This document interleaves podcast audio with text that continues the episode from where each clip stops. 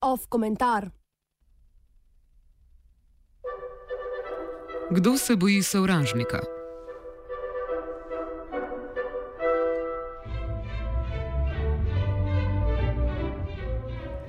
Revija Demokracija in založba Nova obzorja sta svojo objavo razpisa za pravljico sprožila burne odzive levo-liberalne javnosti. To seveda ni presenetljivo. V razpisu beremo, naj pravljica obravnava nevarnosti multikulturalizma in ilegalnih migracij, naj krepi narodno zavest in domoljubje ter pripadnost tradicionalni družini kot temelju slovenstva. Razpis predlaga, da lahko usiljivce in negativce predstavlja tuje rodna invazivna živalska vrsta, da se pravljica lahko nasloni na že obstoječo slovensko otroško literaturo in da se lahko dogaja v času katerega od slovenskih praznikov.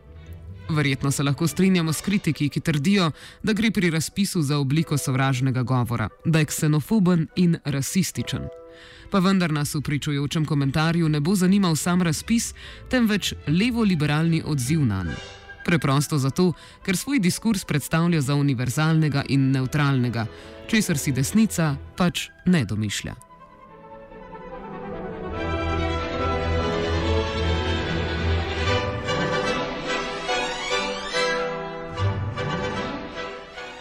Vasja Jagar je v svojem prispevku Kdo se boji črnega moža za tednik Mladina zahteve razpisa primerjal z nacističnimi pravljicami. Tudi nacistični ideologi so namreč pozivali, naj se pravljice nanašajo na stare nemške mite, pravljice in legende. Kot komentira Jagar. V obeh primerih gre za sklicevanje na preteklost in strah pred prihodnostjo varovanje izmišljene slavne tradicije in vzpostavljanje črno-belega sveta, v katerem je vsaka drugačnost izenačena z nevarnostjo.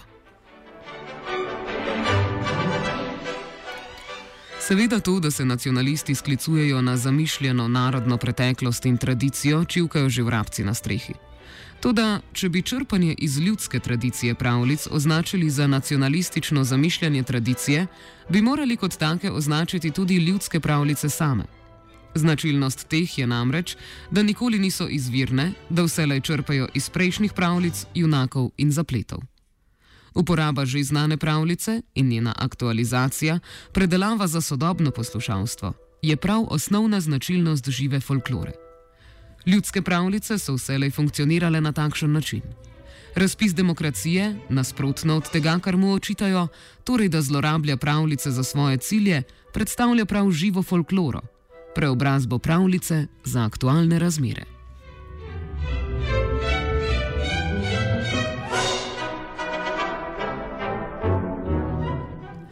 Da gre pri nacističnih pravljicah in pravljici, kot jo pričakuje razpis, za vzpostavljanje črno-belega sveta, za katerega je vsaka drugačnost izenačena z nevarnostjo, bi prav tako lahko trdili za večji del ljudskih pravljic. Zamislimo si le tipične podobe zlobnih čarovnic ali tujkov, ki zmotijo red skupnosti, ki ga na to junak pravljice na koncu povrne in ponovno vzpostavi.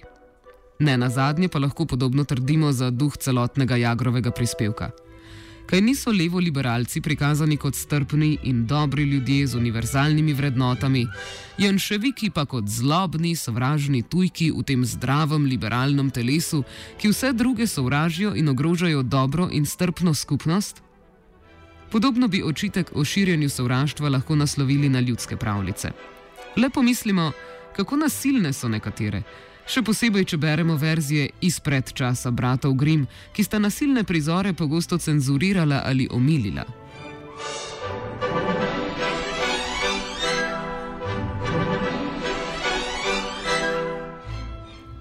Jagr nadaljuje, da je Zakrivanje izključevalne, nasilne politike pod videzom otroških pripovedk znak totalitarističnih teženj.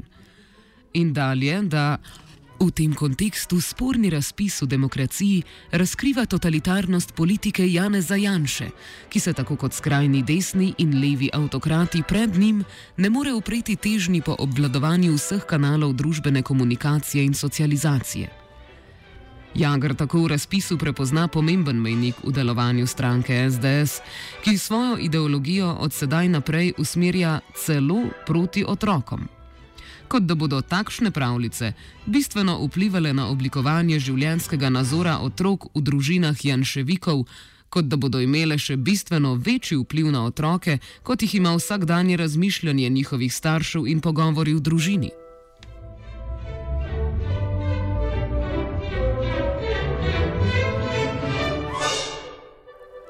Naj nam bralec dovoli še en citat, s katerim Jagar pojasnjuje, zakaj je razpis nesprejemljiv. Pravljice so namreč poslednje zavetje otroške domišljije, v katerem se otrokova osebnost lahko varno sooči s travmami dozorivanja. In tukaj je ločnica med pravljico in vanjo oblečeno propagando. Prva otroka uči temeljne človečnosti, druga mu jo skuša prepovedati v imenu določene ideologije in iz njegovega sveta izključiti drugačnost, ki ga bogati. Toda zadnje, kar otrok potrebuje, so nove travme, ki jih sprožajo umetni konflikti in nesmiselno nasilje odraslih.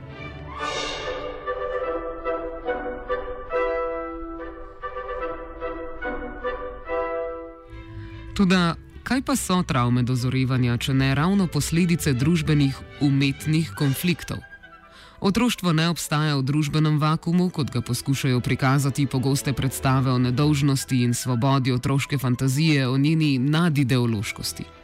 Otroci pač niso bitja iz drugega sveta, odmaknjena od problemov in ideologije odraslih, v katerih živijo. In pravljice prav tako nikoli niso ločene od vsakokratne družbene realnosti, ampak o njej govorijo oziroma iz nje vzniknejo. Otroška literatura tudi ne odraža notranjega domišljijskega sveta otrok, temveč predstavo odraslih o tem domnevnem svetu. Ta predstava o nadideološkosti otroka je v svojem bistvu šovinistična. Kot zapiše Liljana Burcar v knjigi Novi val nedolžnosti v otroški literaturi, Uprizarjanje nedolžnosti otroštva torej pomeni razlastitev otroka, njegove sposobnosti aktivnega udejstvovanja, odtegnitev njegove snovnosti in opustitev zavesti o njegovi družbeni umeščenosti, ki ga določa, razstavlja in ponovno sestavlja v neprestano potekajočem procesu subjektivacije.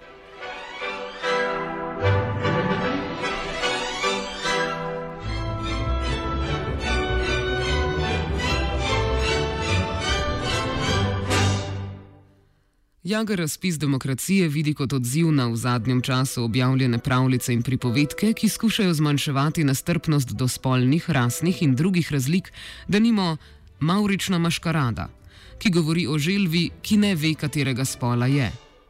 A Jager to vrstne pravljice zagovarja, rekoč, tudi ta pogled ni vezan na ideologijo neke politične opcije, zato ne more iti za politično propagando.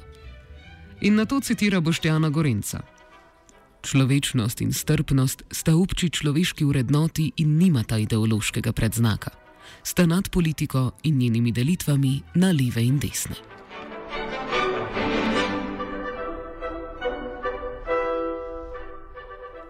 To očitno pač ne drži, saj je ravno v tem problem levo-liberalcev, da desničari tega pogleda ne priznavajo. Avtorjevo ponavljanje, da so vrednote strpnosti univerzalne in neideološke, zveni kot nekakšno zaklinjanje, naj vendarle postanejo take. Hkrati pa kot razsvetljeni liberalec seveda ne verjame v magijo in zaklinjanje. Kako torej vzpostaviti liberalno ideologijo kot univerzalno? Da. Mogoče bi šlo, če se znebimo teh tujkov, ki je ne priznavajo, katerih ideologija je sovraštvo in ki to širijo še v svet fantazije nedolžnih otrok.